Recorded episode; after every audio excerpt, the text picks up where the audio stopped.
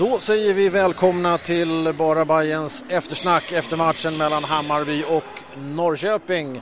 En match som slutar 1-1 och som är sista hemmamatchen för i år.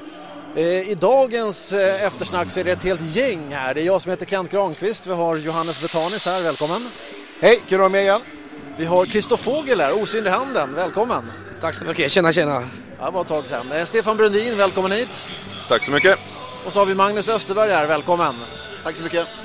Och sen, eh, ja, de två huvudpersonerna får vi väl nästan säga. Vi börjar att prata lite damfotboll för eh, igår, för ja, det är väl nästan exakt ett dygn sedan, så blev det klart att Hammarbys damfotboll går upp i Allsvenskan nästa år efter ett år i Elitettan. Olga Ekblom, Kattis Dahlström, välkomna hit. Tack så jättemycket.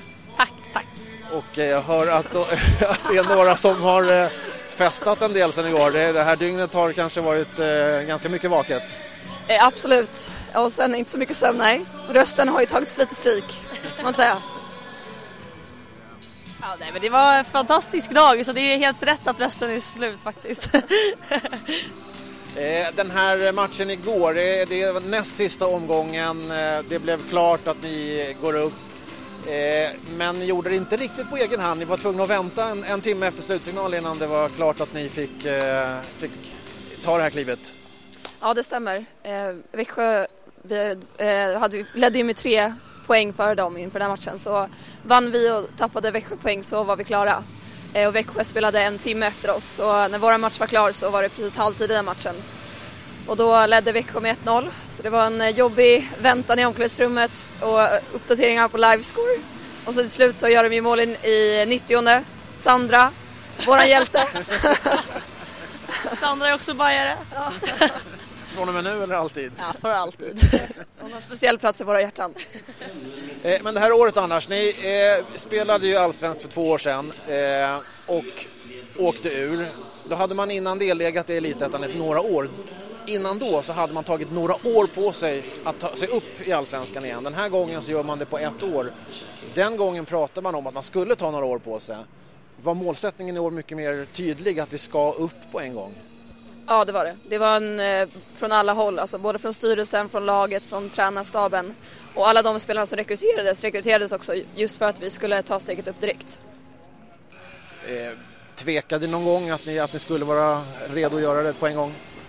Nej. Jag tror att vi har, eh, det är såklart att det finns en osäkerhet och en ödmjukhet i att eh, spela fotboll och det är så här, vi kan inte styra mer än våra egna prestationer men alla har haft den målsättningen och ambitionen så det känns inte som att vi ville inget annat än att gå upp och nu har det visat sig att eh, vilja löser allt faktiskt. Ja, vad är det som ligger bakom att, att man lyckades eh, på en gång? Då? Vad är det som har gjort att ni tog klivet så snabbt? Vi tappade ju liksom hälften av startelvan från förra säsongen ungefär. Eh, och så att, eh, men de spelare vi har fått in är liksom klassspelare. Vi har ju eh, tre som tog F19-guld förra, förra sommaren. Eh, de bidrar ju med rutin från det, även om de är unga. Liksom. Så, och sen har vi fått behålla nyckelspelare ändå. Och eh, de som, de som inte kanske fick spela så mycket förra året har fått spela nu. Så att det, det, vi har fått in en bra mix och spelare som verkligen vill någonstans. Och Kattis, det här får bli lite revansch för dig. Du var ju borta under hela allsvenska året. Du var skadad hela allsvenska året.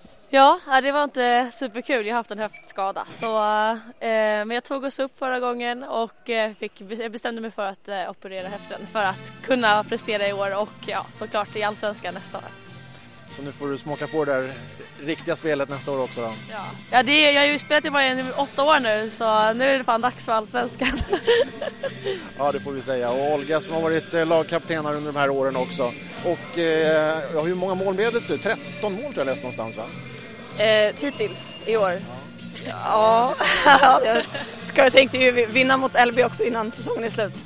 Ja, det är 11, 12, 13, jag vet, är inte jättebra koll. Vi behöver inte räkna exakt. Men det är precis som du säger, det är ju en match eh, kvar i eh, Elitettan för er på hemmaplan och då är det på den här arenan som vi är på just nu, nya Söderstadion. Hur kommer det att kännas, vara klara för Allsvenskan? Nej, det är ju fantastiskt alltså, att få komma ut här och spela för publiken mot serieledarna. Det finns liksom inget bättre avslut på den säsongen vi har haft. Vi hade ju en kämpig vår, vi tappade ju tre backar till, i korsbandsskador. Så det var ju lite, alltså vi har ju verkligen kämpat. Det har inte varit en dans på rosor hela vägen liksom. Eh, men vi har gjort det svinbra, alla liksom runt omkring. Vi, det, vi jobbar ju i motvind ofta. Vi får inte så mycket pengar, vi har inte de förutsättningar som kanske andra lag har eller om man kollar på liksom dam och herrspelare. Men, eh, så det, är, det ska bli jäkligt roligt och det känns som att det är det, är det avslutet vi ska ha. Är det någon av er övriga som har något att tillägga innan vi släpper med iväg de här för att, fira med lagkamraterna ännu mer? För ni var ju här i halvtid också med hela laget och, och firade. Jag har knappt hört det för det är så jävla hög volym runt omkring. Men ombyggnationen av kanalplan, och hur, hur, hur, går det där? Hur rullar det enligt schema? Är det klart till nästa säsong eller hur, hur ser det ut? Vet ni det? Alltså de, det ska vara klart till hösten och de låg eh, alltså september 2017. Det, jag har ingen aning hur sånt här funkar. Men de låg en vecka efter. Alltså, men det kan vi ingen aning. Egentligen ligger de väl ett, ett år en vecka efter skulle jag kanske skulle säga. I våren också, även fast inte arenan är klar helt, eller? Vi kommer spela på Zinken. Ja, eller det, som, det lär ju bli så som i år, tills det är klart på kanalplan. Ja, hur har det varit att ha, ha Zinkensdamm som hemmaarena? Nej, men Zinkensdamm är en uh, jättetrevlig arena. Men det har varit uh, svårt uh, med förutsättningar och träningar för att vi har ju fått köra bort lag och det blir ju, det är svårt att samsa så många lag.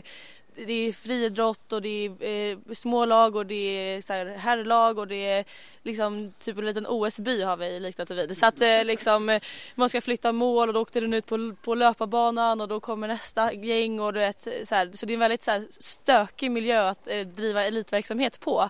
Men eh, det lyckas vi lösa också och nu har vi kört eh, uppe på Tanto. Så att eh, vi... På sinken. Ja, det är is på sinken. ja, det är väl också en av anledningarna till att ni kommer att spela här på lördag är ju för att, eh, för att bandyn har, har tagit plats på Zinkensdamm helt enkelt. Ja, ni får eh, gå tillbaks till laget och vi säger grattis från hela Bara gänget här till eh, avancemanget. Tack så mycket. Tack så mycket. Och eh, så vänder vi oss till panelen här som ska prata om eh, ja, dagens match. 1-1 eh, mot Norrköping. Ska vi börja där innan vi tar helhetsgreppet om, om året och framtiden? Eh, återigen ganska defensivt. Ja, fast jag tycker att första halvlek så visar ju faktiskt Hammarby att de kan spela fotboll på, på eh, offensiv planhalva också med lite kombinationer. Målet är ju ett jättefint anfall. Eh, så många passningar i rad var det ganska länge som man hade som, som så att det ledde fram till ett mål. Eh, så det var väl, man möter ju ett ganska bra lag, man får inte glömma bort det. Men jag tycker att det fanns delar som kändes lite bra i Hammarbys offensiva spel idag. Sen så finns det mer att göra men det var, jag tyckte det var en helt okej okay insats. Jag tyckte väl, jag vände på det, jag tyckte väl andra halvlek i så fall var betydligt bättre än första. För de inledande 20-30 minuterna tyckte jag nog var ganska så här krampaktigt. Och med, kanske medvetet defensivt. Så var det så halv, halvsvår, halvkonstig match på något sätt. Det var, var varken hackat eller malet tycker jag. Det var en svår match. Ja, jag håller med, en helt okej okay insats eh, offensivt också. Eh, andra halvlek var bra till första bytet. Jag tycker vi tappade initiativet lite och det, efter det de får sitt mål också. Men sen eh, hade vi lite halvchanser mot slutet eh, utan att kunna sätta dit den. När man summerar säsongen så kanske inte en, en poäng hemma mot de som kommer två, möjligen trea, är, är liksom ett fiasko på något sätt. Så, och jämfört med hur det såg ut i senaste matchen, alltså borta matchen i uppställning, så var det här en alldeles sinande ström av offensiva lustar. Men, men det, det kanske ändå fanns en del att göra. Och jag håller nog med Kristoffer, det där bytet eh, ja, på forwardsidan i andra halvlek, det, det blir jättekonstigt. Man, om man vill nu, hade ambitionen att hålla kvar bollen i anfall, man vill antagligen gå på snabba stick, instick på något vänster. Men hade, det hade funnits en poäng tror jag att ha den som kan hålla i bollen där uppe och sen låta han leverera bollarna till, till Padiba. Alltså Alex skulle vara kvar istället för att ha tagit ut honom. Och byta ut Romero menar du? Ja, men till exempel. Nej, men så, så, jag håller med, men jag, jag, tror att man förväntade sig nog kanske att, att IFK Norrköping skulle trycka på lite mer, att det skulle bli mera rakt spel och så ja, vem man väljer, vem man väljer. Men man valde ju två forwards senast som ingen av dem kunde hålla fast bollen. Då var det 65 meter till mittfältet. Så att, att, ja, det var ju bättre idag ändå. Det fanns ju spelare på mittfältet idag som kunde hålla upp och framförallt var ju mittfältarna lite närmare forwards idag. Men jag håller med att det tappade. Men jag tror att Stefan, eh, första halvleken, det jag menar var att det var, det var två lag som försvarade mycket mer kompakt. Både Hammarby och Norrköping försvarade bättre. Så matchen var lite långsammare i första halvlek. Men det var det jag menar. Det var långsammare men Hammarby spelade ändå fotboll. Eh, man har ju inte spelat alltid. Men det är ganska typiskt, när tröttheten kommer in i andra halvlek så blir det ju öppnare generellt. Det är ju nästan varenda match. Det är ju sällan man orkar hålla den här disciplinen. Det, det sker misstag, lite bolltapp, eh, man slår lite felpassningar och då, då öppnar det upp sig på ett annat sätt. Som kanske, det blir en illusion av att man helt plötsligt har gjort massa taktiska genidrag som gör att det ska liksom bli, det kanske inte alltid handlar om det. Och det bytena kommer ju sen naturligtvis också av att folk kroknar helt enkelt när man springer fram och tillbaka. Och sen tyckte jag också att det som förändrade matchbilden till Hammarbys nackdel andra, det var, jag vet inte, det var en spelare som de tog in, Norrköping tog in på vänsterytten som hade en fruktansvärd speed och, och vad heter det, Mats hade ju spelat ganska bra tycker jag fram tills att han kom in men sen fick han jätte, svårare och svårare att sköta sitt jobb och, och Smarason kom ju ner flera, flera gånger och började dirigera honom så att jag, där tyckte, och det var ju också han som var, eh, vad heter det, upprinnelsen till, till målet eh, som de fick där. Eh, när det kom det, det, målet så kanske man hade förväntat sig också att, att Norrköping skulle ligga på för ett ledningsmål och det gjorde de väl delvis men lite grann som Magnus är inne på att Hammarby skapar ju fortsatt också lägen och, och ville ju verkligen vinna den här matchen. Det kändes som det att man, man var inte nöjd med, med 1-1. Jag tyckte när jag gick hit att på någon av skärmarna att det stod 5-2 i avslut på mål för Hammarby. Jag är inte helt säker på att det men det, det känns och det är nog inte det kan nog stämma. Alltså vi hade ändå lägen eller halvchanser tycker jag i och kring straffområdet både i första och i andra halvlek där, där vi har otroligt svårt att liksom bara trycka till bollen. Det ska liksom passas in nästan in på mållinjen. Man har ju sett det tidigare och det, är det någonting man har saknat offensivt under året så tycker jag just att den här killerinstinkten som kanske Alex hade de första matcherna han var med när han egentligen var ganska osynlig men stod och tofflade in dem i straffområdet. Det där har bytts till någon, han har fått en annan roll och med det har han inte varit, gjort någonting egentligen framåt på det sättet. Eh, rätt eller fel, men, men det, kan, det kan ju ha med taktiken att göra. Men det, det, det, är någonting vi saknar. Hade vi haft den här måltjuven där framme som verkligen tofflar in dem, då hade vi avgjort den här matchen tror jag. Jag tror att Hammarby hade åtta avslut i första halvlek. Jag vet inte hur många som var på mål, men jag tyckte jag såg att det var åtta avslut. Det var, ganska, och de spelade fram till de lägena. Det var, det var länge sedan tror jag som Hammarby spelade sig fram till så många halvchanser och chanser som man faktiskt gjorde. Så det var, det var trevligt att se på. Eh, backlinjen då, då hade vi tillbaks den här gamla backlinjen med Lars Ätra och Rickard Magyar idag. Eh, och det har man ju många trott att det skulle vara någon akilleshäl om de kommer tillbaks. Var de, fanns det något svaghetstecken i den backlinjen? Det kändes eh, från och till lite trubbigt kanske men jag tycker Sätra skötte sig ganska bra. Han sprang upp och stötte lite ofta. Eh, vann några nicktöler, hade lite problem med passningsfoten ja. ja, så snubblade han till några gånger också och låg ner lite för mycket kanske. de killarna kan ju inte ha det absolut största självförtroendet just nu. Så eh, jag hoppas verkligen inte de läser några sociala forum eller engagerar sig i sociala medier. Har de det så då är de, då är de stålmän om de lyckas eh, hålla sig kalla inför den kritik de har fått. I många fall väl, välförtjänt sån. Men, men utifrån det perspektivet så går de väl in liksom och spelar av den här matchen och gör liksom helt okej okay utifrån deras förutsättningar insats tycker jag. Och det lär väl vara de vi, vi får se i sista omgången också. Magnus har ju varit inne på det. Vi måste komma ihåg att vi har en motståndare som ändå är, är, är ett av de bättre lagen i, i, Sverige. De senaste typ två åren blir det ju faktiskt. Och sett till det så gör de ju en helt okej insats. Eh, det är svårt, jag vet, målet, man minnesbilden har det. Men det, det, var, det är ett jävligt snyggt anfall de gör, Norrköping, när de gör målet. Och då, ja, det, de hade några sådana halvlägen också så att jag tycker inte det är hela världen. Jag tycker de skötte sig helt okej. Alltså. Det, det har funnits andra matcher när vi haft betydligt större problem med försvarsspelet. Sen är ingen av de backarna någon som sätter de här fantastiska passningarna utan det är klart de ska lämna över till Kennedy som sen ska då täcka halva planen i princip och, och, och slå bollar eller Dosan kanske lite grann också. Det, det, det, blir lite, det är svårt, det är en svår roll naturligtvis. Men, men där, har det, där har det faktiskt hänt någonting specif speciellt med Sätra tycker jag. Jag tyckte han gjorde det ganska bra under inledningen av säsongen och även i slutet på förra säsongen. Att han var väldigt med uppe i, i anfallet, startade upp anfallen men jag håller helt med. Killen har ju kommit helt av sig den här eh, andra delen av eh, den här allsvenska säsongen. Johannes, du nämner ett annat namn här, nämligen Dusan som fick eh, starta idag. Många har ju efterfrågat de här unga spelarna. Dusan eller Isak eller Leo som har gjort det bra i ungdomslag. Hur, hur skötte han sig? Jag tycker att Dusan är en bra spelare. Det är ingen hemlighet för de som har hört mig förut. Han, han är bra. Jag tycker han visar idag att han håller för allsvensk nivå. Eh, det finns mycket att göra såklart men det enda sättet jag får spela, jag tycker han, han visar ganska också det här med, det är skillnad på vilka som spelar yttrar och, och inte. Han är ju ingen naturlig ytter men däremot är han en duktig fotbollsspelare. Han, han är nere och hämtar bollen och startar faktiskt anfall på ett bra sätt i ett par tillfällen. Sen är han med i förspelet till målet också på, på en sån passning som kanske inte hade kommit om det var en annan ytter där. Så att jag tycker han visar att han har speluppfattningen och tekniken för det men sen så måste han få vänja sig vid tempot och spela den här typen av matcher varje vecka eller åtminstone oftare än vad han har gjort nu. Nu var det första gången han fick starta. Han gör det bra tycker jag. Eh, och han, han, är ju också inblandad, som säger, en delaktig i målet. Eh, ja, andra assist eller vad det kallas för på hockeyspråk. Men eh, han, han, han var ju framme, han visade sig. Han var inte rädd för att eh, sticka på djupet, försöka och lägga in passningar och, och eh, han var ju aktiv hela matchen egentligen.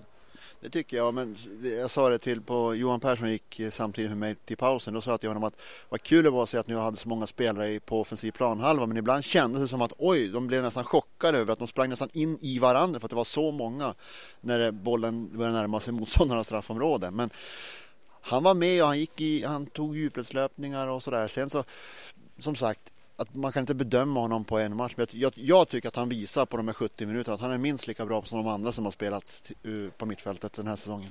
Ja, man kan ju inte säga att spelet lyfte när Torstenberg kom in direkt.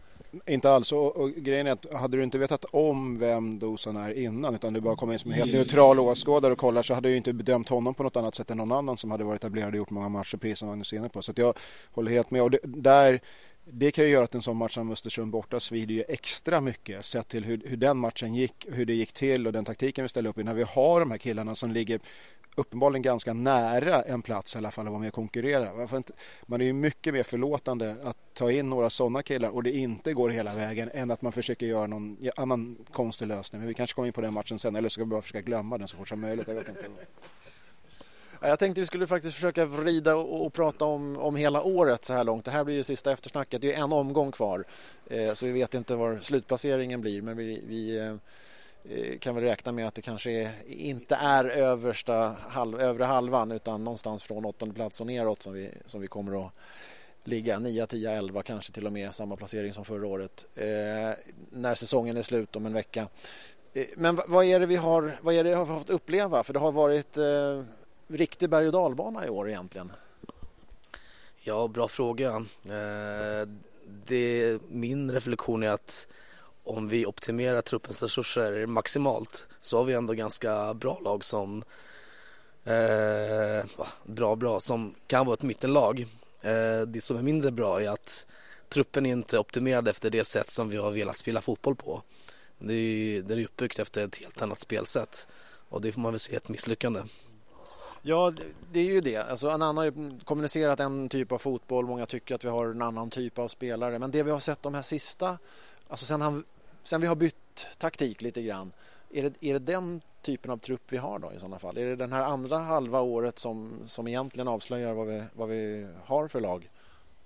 Uppenbarligen så är det ju så eftersom att resultaten har ju varit så pass bra som man har velat den, den andra halvan. Men däremot så är, det ju ett frågetecken på vad det man har skaffat sig innan och vad ville man ha innan. Eh, men, men om man jag, jag snuddar vid, vid Östersund då bara om man jämför den insatsen med den här så är det här någonstans lite grann mitt emellan då kanske. Man spelar med två forwards men man vågar sätta lite press, man flyttar upp lite spelare, man vågar spela bollen efter, efter backen. Man behöver ju inte välja liksom en ytterlighet där man ska helplanspressa eller parkera bussen. Man, det finns ju faktiskt lite, man kan ju faktiskt vara lite mittemellan ibland också när man spelar fotboll. Och den truppen som är idag, har, alltså de värvningarna som gjordes innan den här säsongen var ju värvade för en, en, annan typ av fotboll. Men man använde inte de spelarna i de rollerna som de var värvade till. Det, så är det ju faktiskt, det är ju bara att konstatera. Och resultaten kom inte. Då fick man skruva lite och se vilka egenskaper man egentligen hade värvat. För man har ju värvat de här spelarna också. Då fick man titta på och se vad är det vi kan, hur ska vi göra? Ja, vi måste göra så här. Och så har man fått utdelning. Eh, sen kan man ställa sig nästa fråga då. Hur ska man starta nästa säsong? För nu har det under två säsonger varit liksom två olika Hammarby. Första halvan, försöka pressa högt, försöka spela tempostarkt och så vidare slå av på takten och göra någonting helt annat under hösten. Och det var exakt likadant som den här säsongen. Och det kan ju funka, men jag tror inte det, det är inte så man menar med en process eller att, att driva en utveckling framåt. Då vill man ju kanske ta små steg i taget istället. Man kan inte gapa efter för mycket utan man måste ju självklart måste man se vad man har för spelare vad de har för egenskaper. Och sen när man nu ska rekrytera måste man säga okej, okay, hur ska vi nu använda de vi har och de vi har under kontrakt? I vilka roller? Hur ska vi spela? Vem ska leda laget? Och så vidare. Och sen får man plocka in spelare och faktiskt nu är det dags att börja använda sina, de spelare som man värvar in måste kliva in i de roller de värvas för. Inte för att hamna på en annan position och för att under sommaren få helt nya direktiv i hur man ska spela. För då kan man inte utvärdera de man har rekryterat. Kristoffer är inne på det här också med att optimera truppen och spelarmaterialet och så vidare. Eh, har du mått, mått dåligt då under året när du sitter och räknar på det här? Vilka, vilka pengar vi har lagt på truppen och vad vi plockar ut ifrån dem? Ja, våren var ganska frustrerande från mitt perspektiv. Man såg målen bara kom in i baken varenda jävla match. Även om vi gjorde mål framåt så eh, blev det ju noll poäng i varannan match. Så att Hammarby har ju ändå ganska förhållandevis stor lönebudget jämfört med de andra lagen i Allsvenskan. Eh, där är man ju på övre halvan. Då kan man ju förvänta sig att man också ska ligga åtminstone runt mitten och inte på nedre halvan. Men det är att om man ska göra utvärderingen av säsongen så tycker jag att man kan ha de olika perspektiven. Att när, när vi började den här säsongen så tror jag, jag hade i alla fall i, i utgångspunkten att eh, mitten någonstans men åtminstone ett par steg bättre än vad vi var eh, förra året. För att ett år i allsvenskan, ett år till i lagbygget etc. etc. Och utifrån det perspektivet så, och att, att nu mitten har blivit så jämn så är det egentligen svårt att säga. Vi kunde lika gärna ha klättrat ett par tre placeringar utan, eh, med ett par tre poäng till. Eh, och nu så, så ligger vi, kommer förmodligen, eh, som ja, jag gissningsvis hamnar runt eh, 11 som förra året. Jag tror faktiskt Djurgården tyvärr går förbi oss eh, nu på de matcherna de är kvar. Men jag tycker det är ännu viktigare det som, som säger. Det är att vi har ju en ekonomi för ett helt annat typ av resultat. Men jag vet inte om vi har en, fortfarande har en liksom, organisationen för att... Liksom, ja, uppenbarligen har vi inte det för att värva in eh, de här eh, löneposterna.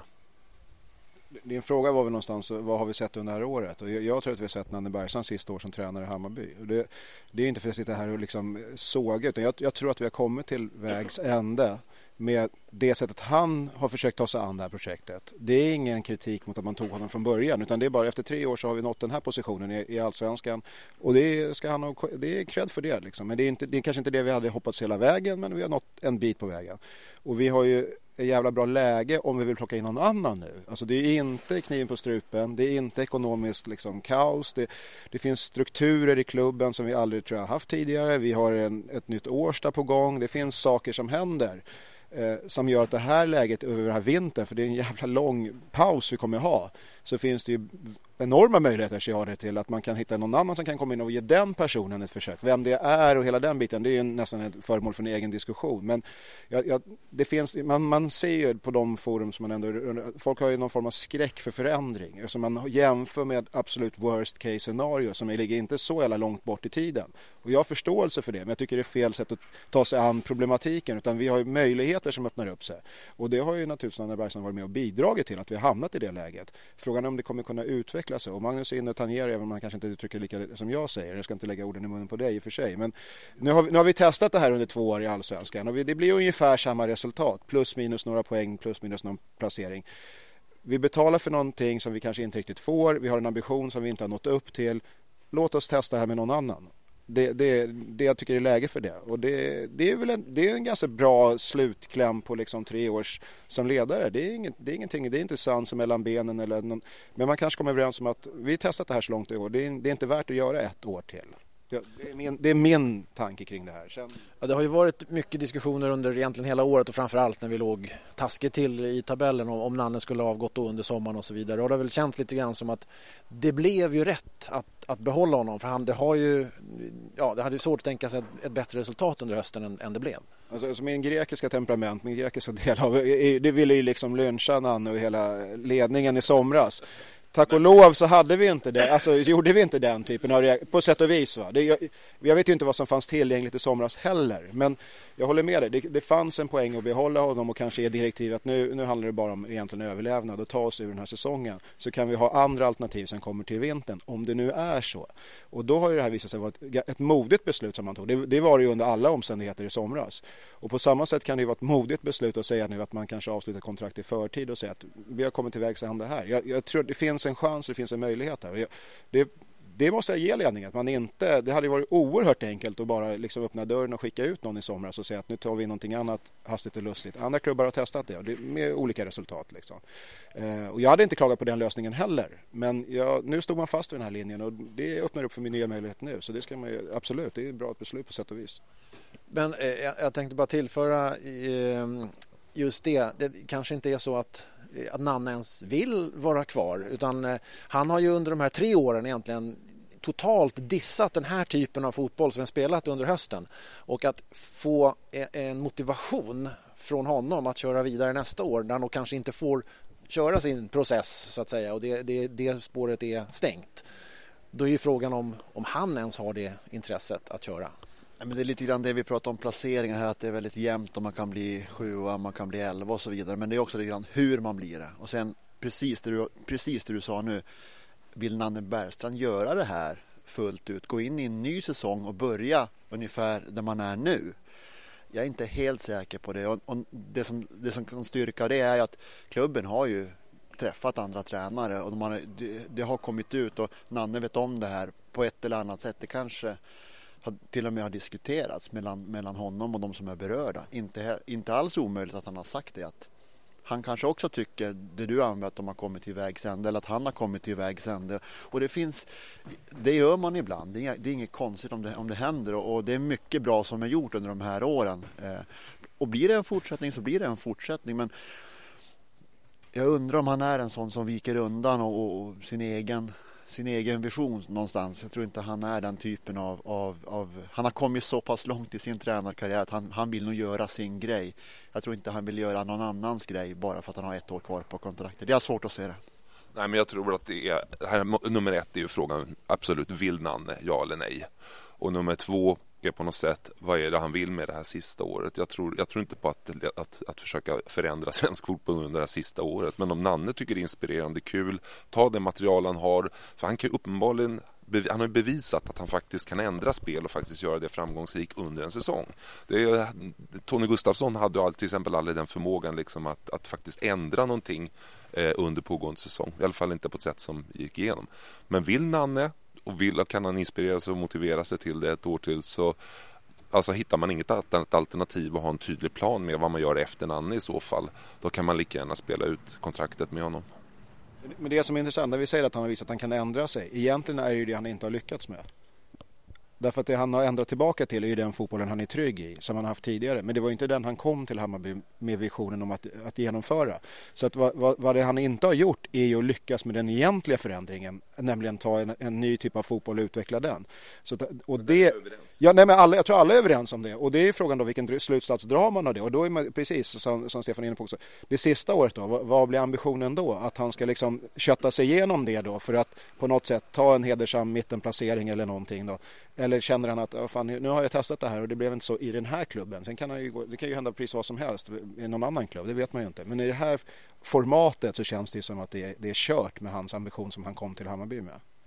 Och vad kan klubben ställa för krav då? Liksom sportslig, sportsliga placeringar och sånt. Kristoffer är inne på det här med hur mycket som, pengar som ligger egentligen i spelartruppen och så vidare och att det ska finnas någon korrelation där mellan, mellan de spenderade pengarna och, och tabellplaceringen. Men vad, vad, kan man ställa för krav på, på en tränare rent eh, resultatmässigt? Kan man ställa de kraven? Jag tror att eh, man får kanske dela upp kraven. Dels resultatmål och då är det tabellplacering men också utvecklingsmål och då pratar vi inte om eh, processen utan att man faktiskt utvecklar spelare. Det som kännetecknar dagens topplag i allsvenskan är ju att de utvecklar unga spelare och skeppar vidare dem till utlandet.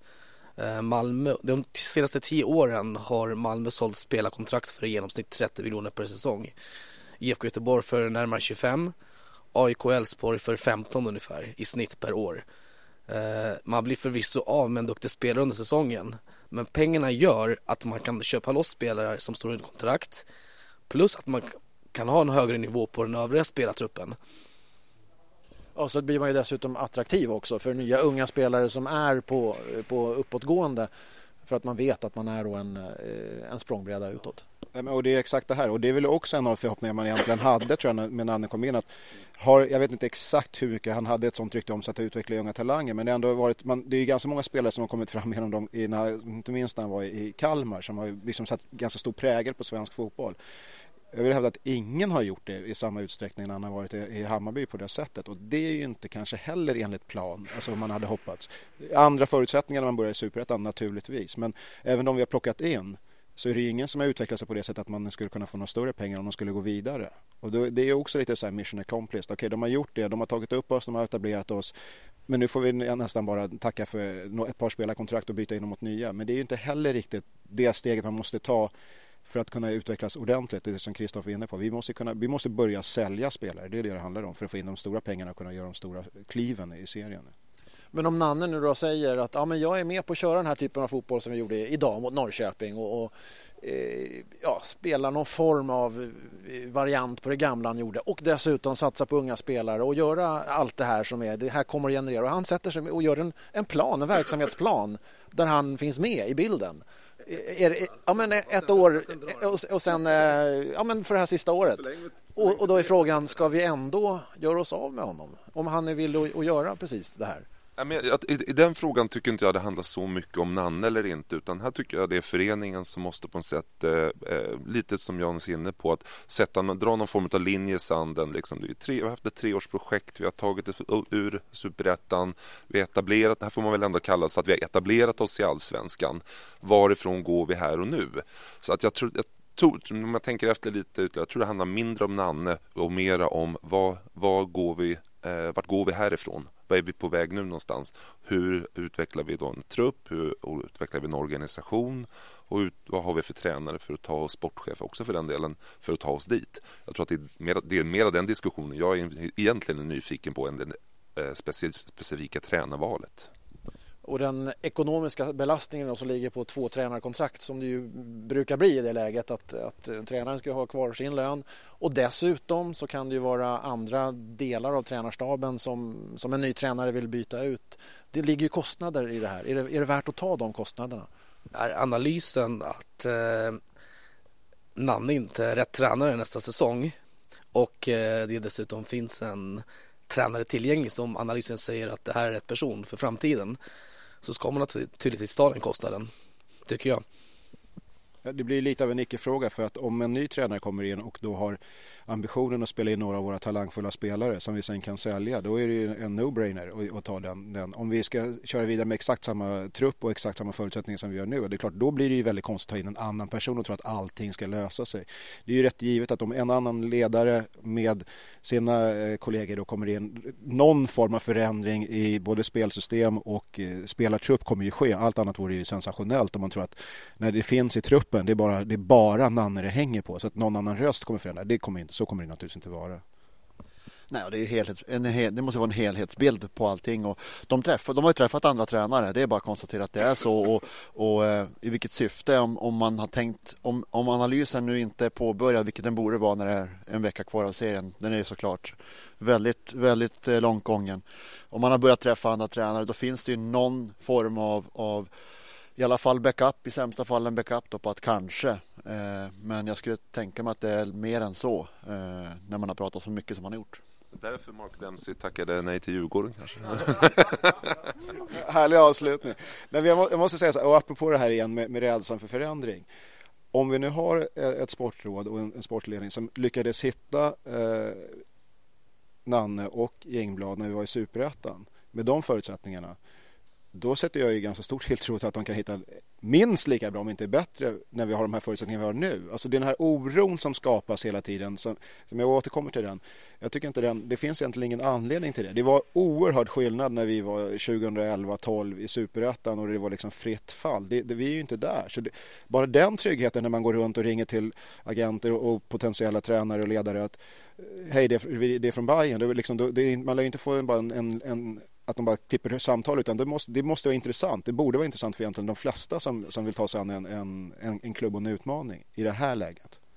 Det är snarare så det borde nästan vara så med, med det som finns att det borde, Hammarby borde inte ens behöva söka utan det borde stå folk utanför dörren och vända. När det blir ledigt så vill jag att ni ska prata med mig liksom. Alltså det är ju säkert så. Jag, jag, jag, kanske inte bokstavligt talat men, men snudd på alltså. Jag kan, jag kan tänka mig det. Jag hörde att Greg eh, köpte biljett från USA. enkel, enkel. Men, ja. men Kristoffer, bara för, innan vi släpper en ekonomi eftersom du har det här nu här. Har du, har du, vad, vad, tror du vi landar på omsättningsmässigt i, i år? Har du kunnat, eh, det är väl sponsorförsäljningen som är den os, osäkra faktorn i år. Den har gått upp i alla fall om jag förstod. Vad, vad är det man har sagt? Att den har gått upp till, upp till 30 va? Har kommunicerats och eh, cirka 100 miljoner i omsättning. Men då ska man komma ihåg att eh, souvenirförsäljningen är netto. Eh, och där omsätter man ju brutto mellan 17 och 20 och 2 miljoner netto då. Andra klubbar redovisar ju bruttosiffran. Ja just det, beroende på att vi har det här avtalet att vi, vi, får aldrig, vi får aldrig originalförsäljningen utan vi får bara den verkliga vinsten därifrån. Så, så mäter man intäkter exklusiva spelarförsäljningar så är vi en storklubb i allsvenskan. Men... Topp 4, topp 5? Ja, det skulle jag säga. Topp 5. Och då ska vi också ha de, de kraven på tabellplacering menar du nästa år och framåt? Köper du Merca så vill du ju ha en Merca och inte en Fiat. Alltså det, ja men så är det ju. Eh, och det är lite, så kan man vara jättenöjd för att Fiaten rullar också men det är inte det, är inte det du har köpt. Tanka den med rätt saker i sånt fall också, eller hur? Och så, annars, vill, annars... och så vill du ha chauffören som kör den som en Merca och inte en Fiat. Eh, men eh, när det gäller de här intäkterna som vi pratar om, det är sponsorer, det är spelarförsäljningar och det är publikintäkter. Vi har eh, enorm publik fortfarande, trots att vi har tappat lite sen förra året. Då slog vi ju rekord och så vidare. Men, men hur stabila är de här intäkterna när det gäller att lägga upp en budget och, och, och liksom sätta de här målen för dels det sportsliga men även att veta hur mycket man kan peta in på, på spelarkontrakt och så vidare. Hur tillförlitligt är det? Hur mycket kan vi räkna med att den här publiken är här år efter år? Det är en jättebra fråga. Det här är ju abnormala siffror. De två sista omgångarna, matcher som inte gäller ett jävla skit. Eh, och idag 20 000 efter hela förnedringen i Östersund. Jag tycker det är fantastiskt. Eh, och eh, som du säger, hur pålitligt är det? Hur länge kan det hålla? Jag tror att kan man lura publiken att det blir bättre för varje halvår så kommer folk komma tillbaka då måste man också överraska positivt. Nej, men sen att det är jättesvårt att kalkylera med hur länge publik, publiken kommer ju sannolikt att fortsätta komma med tanke på att man gör det fortfarande. Att man kan inte heller kalkylera med spelarförsäljningar och inte budgetera med det. Men däremot det, kan det ju bli en trevlig överraskning om man faktiskt har spelare som man utvecklar som kan kan göra de, alltså att en spelare inbringar vad ett helt år gör i publiken. Det är egentligen det vi pratar om och det är därför som man lägger ner stora resurser på, på akademin och lyfter fram spelare. Och kan man då dessutom vidareförädla dem, sälja dem, då kan man liksom placera pengar. Jag, kan, jag ska inte ge mig in på det, men då kan man ju liksom lägga undan en del av de pengarna till den dagen som publiken kanske inte fortsätter att komma. Då har, då har en, spe, en spelares försäljning räddat upp två års arbete om ni förstår vad jag menar. Jag vet att Kristoffer lite, tänker lite grann tvärtom har jag upptäckt tidigare. Just det här med att få faktiskt få in spelarförsäljningar i budget för att därmed egentligen tvinga organisationen att jobba. För det är det så du tänker? Så tänker jag. Eh, dels en budget ska ju förhoppningsvis återspegla verkligheten så nära som möjligt. Och om man varje år säljer spelarkontrakt för i snitt 20 miljoner eh, då kan inte jag förstå att man inte budgeterar med några spelarförsäljningar alls. Eh, man behöver inte budgetera med 20 miljoner per år, men kanske 10. Men sen är det ju ganska krass ekonomi i det här att eh, vad Kristoffer är inne på att det här handlar ju om att göra oss mindre beroende utav, utav publikintäkterna på sikt för att det kommer säkert komma dippar i det också och då behöver man ju flera ben att stå för inklusive, inklusive merchandise, inklusive publikintäkter, matchday, tv-intäkter, andra typer av immateriella eh, rättigheter som vi kan sälja och så vidare. Så att jag, jag tror att det, det är nog där man ska se det också.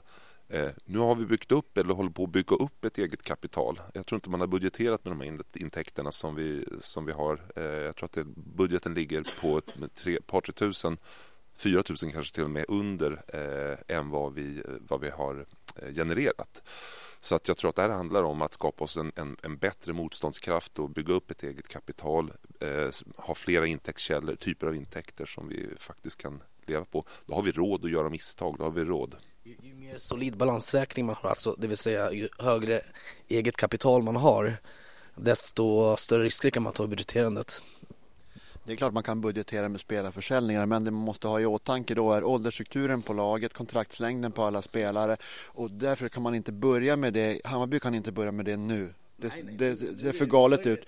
Men, men, men, men jag håller med, alltså det hade ju varit bra för vilken klubb som helst att kunna liksom bestämma att ja, men 10 miljoner eller 15 miljoner, man kan ju alltid hålla ner den för att inte liksom man vet inte vad som händer med den spelaren man kanske tror man ska kunna sälja för 15 miljoner kanske dra ett korsband eller bli petad eller vad fan som helst. Det är därför det blir väldigt svårt att liksom tvingas till spelarförsäljningar och speciellt om man inte har så många som då kan bli aktuella. Jag håller med absolut och eh, målet inför nästa säsong kanske att inom fem år ska vi kunna skapa så pass mycket utrymme i balansräkningen och i spelartruppen att vi kan börja budgetera med i alla fall lite spelarförsäljningar. Så det blir en del av verksamhetsplanen så att säga? Jag tror att det här med publiksiffrorna, vi ska inte lura oss själva för att vi vet, vi vet ju när vi har sett intäkterna för, jämfört med eh, Stockholmslagen att menar, det blir också lite nyckfullt. Har vi en extra kuppmatch hemma, eh, kvalificerar oss till någon turnering där man kan ha en extra publikmatch så kan det slå nästan lika mycket som det här snittet vi har över året jämfört med de närmaste konkurrenterna. Vi ska, vi ska vara otroligt tacksamma för de här publiksiffrorna vi har och vi ska nyttja det i marknadsföringen och i förhandlingen mot typ sponsoravtal och sånt. Att hänga upp tillvaron på att, att man, det måste gå exakt exakt enligt den här budgeten på publiksiffror för att man ska kunna genomföra annan del av verksamheten. Det är jävligt nyckfullt. Nästan ännu mer så än, än att det här räknar med spelarförsäljningar. Så att använd den på rätt sätt. Vi, vi, ska, vi går ut och säger att vi är Skandinaviens största lag när det är till publiken. Och det, bara det räcker ju egentligen för att liksom ha ett annat ingångsläge i en förhandling med vem som helst. Men att, att tro att vi kommer det är ganska många år som måste gå när alla nollar i spelarförsäljningen för att vår publiksiffra ska vara en av, av, avgörande skillnad mot andra lag. Utan då blir det en, en trygghetsfaktor för oss. Men jag tror så här, jag är inne på Kristoffs linje. Till början till nästa år kommer det säkert finnas en, en likadan optimism som vi har gjort inför de två senaste, tre senaste åren. Det är jag helt övertygad om. Men jag tror att man snabbare, man, publiken kommer snabbare tröttna nästa år om vi upplever samma scenario som vi har gjort de senaste två åren. Det, det, är jag helt säker på. Och då kan det bli större dippar. Inte Djurgårdsdippar, men, men, mot, men, men ändå att det kommer, bli, det kommer kosta i publiksiffror. Det är jag helt övertygad om. Å andra sidan tror jag det kan slå åt andra hållet också. Får vi en bra start så kan ju säkert det bli en trend att det kommer ännu fler människor. Så det, det går ju åt båda hållen. Eh, när det gäller det här med att sälja spelare och unga spelare och alltihop. Vi har ju haft eh, ungdomslag nu på diverse olika nivåer, U21, U19, U17 och alltihop som har gått väldigt, väldigt bra. Det känns som att det kommer väldigt mycket kraft underifrån. Dels just på planen men dels vad det kommer att kunna generera eh, i pengar. Men, men hur kan man se den här, finns det någon sån här korrelation sen tidigare just att, att, att det går bra i ungdomslagen? Spelar det, spelar det över på elitverksamheten i, i andra klubbar eller är det, är det tillfälligheter som gör att man plockar in någon utifrån istället som är 19 år och som säljer ett halvår senare? Jag tror man ska då måste man titta på de enskilda fallen. För det, man kan ju ha ett bra lag men ingen spetsspelare. Sen så finns det vissa kullar där det finns två fantastiska spelare som gör att laget går långt och vinner saker. Så det där är jättesvårt tror jag att mäta rakt av. Eh, men det är ingen nackdel att det finns lag och spelare som, får, som vinner och som fortsätter spela turneringar länge och bra matcher länge. Och Numera får man ju till och med spela även internationellt om man vinner eh, eller kommer bland de två eller tre bästa i U17 får man ju spela nästa års Uefa Youth League där man får möta internationellt motstånd och det är bra för spelarutvecklingen. Nej men jag tycker när jag hör de här frågan på det sättet då drar jag mig till minnes eh, hela frågan kring eh, HTFF och hur mycket vi tyckte det skulle få kosta. HTFF inte, skiljer sig i det avseendet inte mot något annat utvecklingslag tycker jag för det handlar om sam, eh, samma typ av resurser som ska fördelas på samma typ av spelartrupper. Så att, eh, men ett lag som Hammarby tror jag, alltså det, det är så mycket som ligger i det där bortsett från själva spelarrekryteringen så finns det ju så mycket annat kring det. Att man ses som framgångsrik, att man gör bra, som, som nu till exempel, nu fick vi höra att, att U, U17-laget var det va? Eh, hade vunnit eh, SM i, ja de tog Elfsborg. Vi har eh, U21 i, i, eh, i U21-final på tisdag är det va? Och eh, topp 4 i U19 gänget. Herregud, det är en fantastisk bas och, och tar Malmö FF, nu gillar inte jag att använda dem som exempel egentligen, men, men eh, de, de, de skryter ju de är ganska självgoda i hur de använder sin utrupp i alla fall för att generera spelare. Bevisligen gör de det också, men de plockar ju också andra talanger från andra, andra lag så att de är inte så att de är enbenta kring det. Nej, det är klart att vi ska satsa på utvecklings, eh, utvecklingstrupperna och elitverksamheten, absolut. Annars kan vi lägga ner elitverksamheten totalt. Malmö har en jättefördel i och med att de i stort sett är ensamma i Skåne. Eh, nu kanske Helsingborg på väg ner i seriesystemet också och då blir ju ännu mer ensamma i Skåne så att de kan ju dammsuga hela närområdet på all i stort sett duktig ungdom. Eh, konkurrensen är större i Stockholm. Eh, förvisso är budet på talang större men det finns samtidigt andra saker som drar, inte bara fotboll. Nöjen, eh, uteliv och så vidare. Eh, en klubb som jag tycker gjort det väldigt bra det är Elfsborg. Eh, förutom att investera i, i sportslig framgång sen de fick sin nya arena så har de investerat väldigt mycket i sin ungdomsverksamhet och de har ju verkligen lyckats få fram många unga spelare och framförallt nu när deras konkurrensfördel i och med att de var först på plats med en ny arena och kunde kapitalisera det i sportslig framgång. När det är på väg att vattnas ut så har de någonting att falla tillbaks på. De kommer inte behöva köpa lika många spelare utifrån utan de kan använda sig av sin duktiga ungdomsverksamhet. Men nu slog vi dem alltså i finalen. Eh, grattis till det. Men det är intressant nu för att det har ju varit några år eh, och det har ju också sådana här, när man inte har någonting annat att bråka om på forumet så kan man alltid dra upp liksom huruvida ungdomssatsningarna är bra eller dåliga. Men där har det också funnits ett tålamod i organisationen vill jag påstå. Där man, I kommunikationen att man säger det kommer ta ett antal år innan det här innan det blir en utväxling. Och det är likadant där. Då tycker jag, för mig är liksom 18 månader det är liksom nästan ett antal år. Men det funkar ju naturligtvis inte på det sättet. Och det är klart att där vi ligger nu är ju en helt annan nivå än vad vi var bara för fyra fem år sedan antar jag utan att ha stenkoll på ungdomsverksamheten. Men resultaten som, som vi räknade upp här tidigare talar lite för sig själv. Nu börjar den här utväxlingen ske. Det intressanta är vad kan vi göra av de här, de här lagen som är så pass duktiga? Alltså hur många därifrån? Är det en från varje årskull som vi kan lyfta upp så är det säkert en jävla fördel mot hur det har varit tidigare bara där.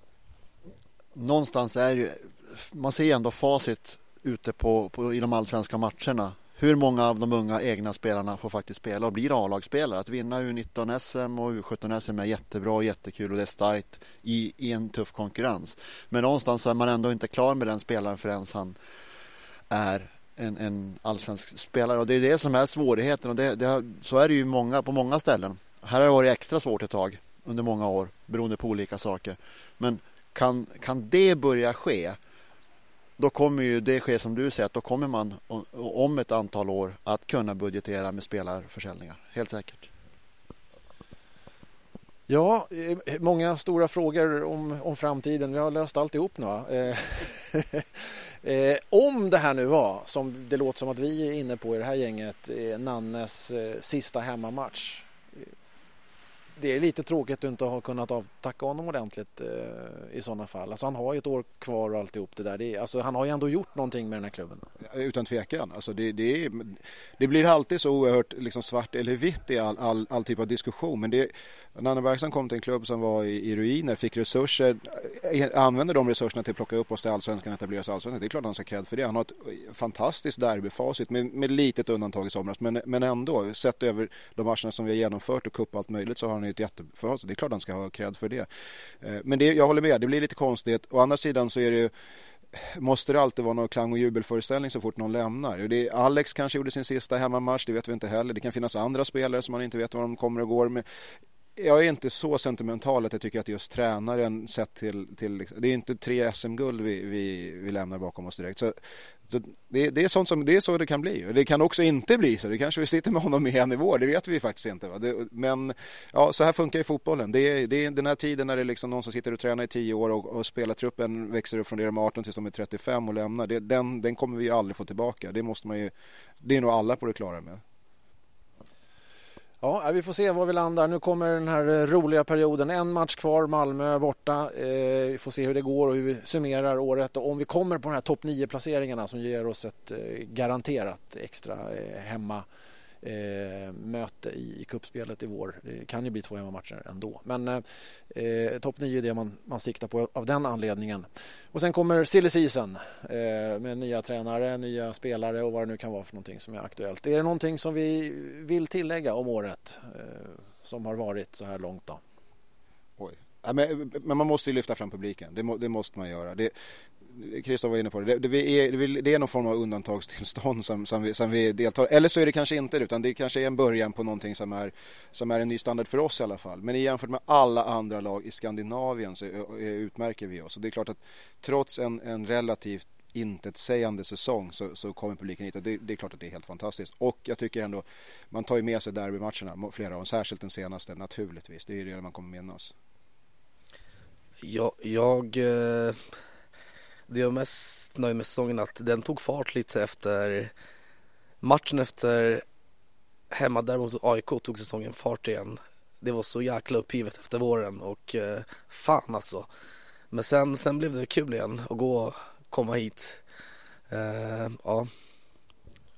Jag gjorde reflektionen på vägen hit att eh, de här två år i Allsvenskan, gud vad jag uppskattar dem jämfört med de här matcherna mot eh, Ängelholm och, och Ljungskile och, och Degerfors vad de nu må heta. Jag, jag måste säga det, det är fortfarande ett, ibland får jag hålla med Nanne i, i det avståndet. De åren vill jag inte ha tillbaks. Hellre en mellanmjölk, eh, en säsong emellan mellan rikets land eh, än att eh, tra, trava där nere. Fy fan.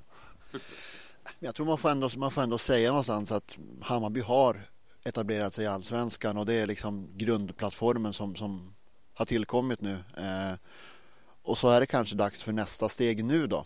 Eh, och sen så får man diskutera lite grann vem som ska leda den och, och, hur det ska göras. Men någonstans så känns det ändå ganska, trots att man fick göra en ganska radikal ändring så känns det ändå hyfsat stabilt någonstans ändå. Eh, någonting som vi inte har nämnt, vi pratade om publiken en hel del eh, och jag vet inte om vi ska dra så mycket om det men det kom ju någon, någon form av halvbeslut här i veckan om att eh, långsidesklacken försvinner och flyttar över till eh, övre kortsidan på något vis. Eh, men det var ju något, något halvbeslut för det, det ger ju inte nu och samtidigt kommer man ju kunna stå kvar Eh, på, på långsidan. Jag sitter på, eh, eller står på aktiva sitt, eller hur fan det nu blir. Eh, alldeles intill den långsideklacken då som, som är uppe på, på, för diskussion. Och ja, det var ju en namninsamling och det har bildats någon form av grupp som vill ha, de kallar sig någonting i stil med aktiva, äh, ståplatsen 1970 eller någonting i den stilen. Så att sista ordet är nog inte sagt, enligt vissa i alla fall, i den här diskussionen. Uh, och det, det, det är ju ett ett, ett, återigen ett modigt beslut att ta. Jag vet inte om jag tycker att det är ett rätt beslut att ta. Tvärtom, jag tycker nog att det här är del av det, det som är unikt med våran, våran klubb och, och den ska få, fortsätta få vara på det sättet tycker jag. Men, men okej, nu är det så. Men som sagt, det har bildats en form av motståndsrörelse eller vad man ska kalla det för. Det ska kallas till infomöten och allt möjligt så att eh, vi kanske ska avvakta den diskussionen tills vi ser hur det där landar faktiskt. Ja, det skulle ju ändå inte gälla från nästa år utan man, man sa ju att det var senare det skulle exekveras i sådana fall. Så att, ja, som sagt, vi får se var, var, var det där landar men det har väl börjat konkretiseras tankarna i sådana fall hur, hur det skulle kunna gå till. Eh, och jag tror till och med det stod så att om vi ska genomföra det så kommer det gå till på det här viset. Så att man har väl, man har väl hållit alla, alla dörrar öppna men vill kanske testa lite just opinionen. Jag vet inte vad det heter i politiken men då brukar man ju ha någon tomte som skickar ut något konstigt utspel och sen när han blir ner, eh, utbuad och då tar man tillbaka och så går någon annan in och dementerar och säger det här har aldrig varit enligt partiets linje. Det är väl kanske lite det man testar nu. Blir det 10 000 namnunderskrifter som säger att det här är åt helvete, det är klart att då får man kanske överväga. Blir det 200, ja då är, det, då är de kanske tryggare i beslutet. Jag vet inte. Ja, vi märker. Eh, för våran del så är eh, det här året slut. Det blir inga mer eftersnack. Sista hemmamatchen är avklarad. 1-1 blev det mot Norrköping. Eh, Magnus, Stefan, Kristoff, Johannes och tidigare hade vi Kattis och Olga här och jag undrar om inte Kristoff har varit på samma fest som dem för du är ungefär lika, lika hes. Ja, oh, fan. ja, du, du hade inte det tydligen. nej, ja. ja, nej, så att, eh, tack för att ni var med idag och så hörs vi vid något helt annat tillfälle. Tack så mycket.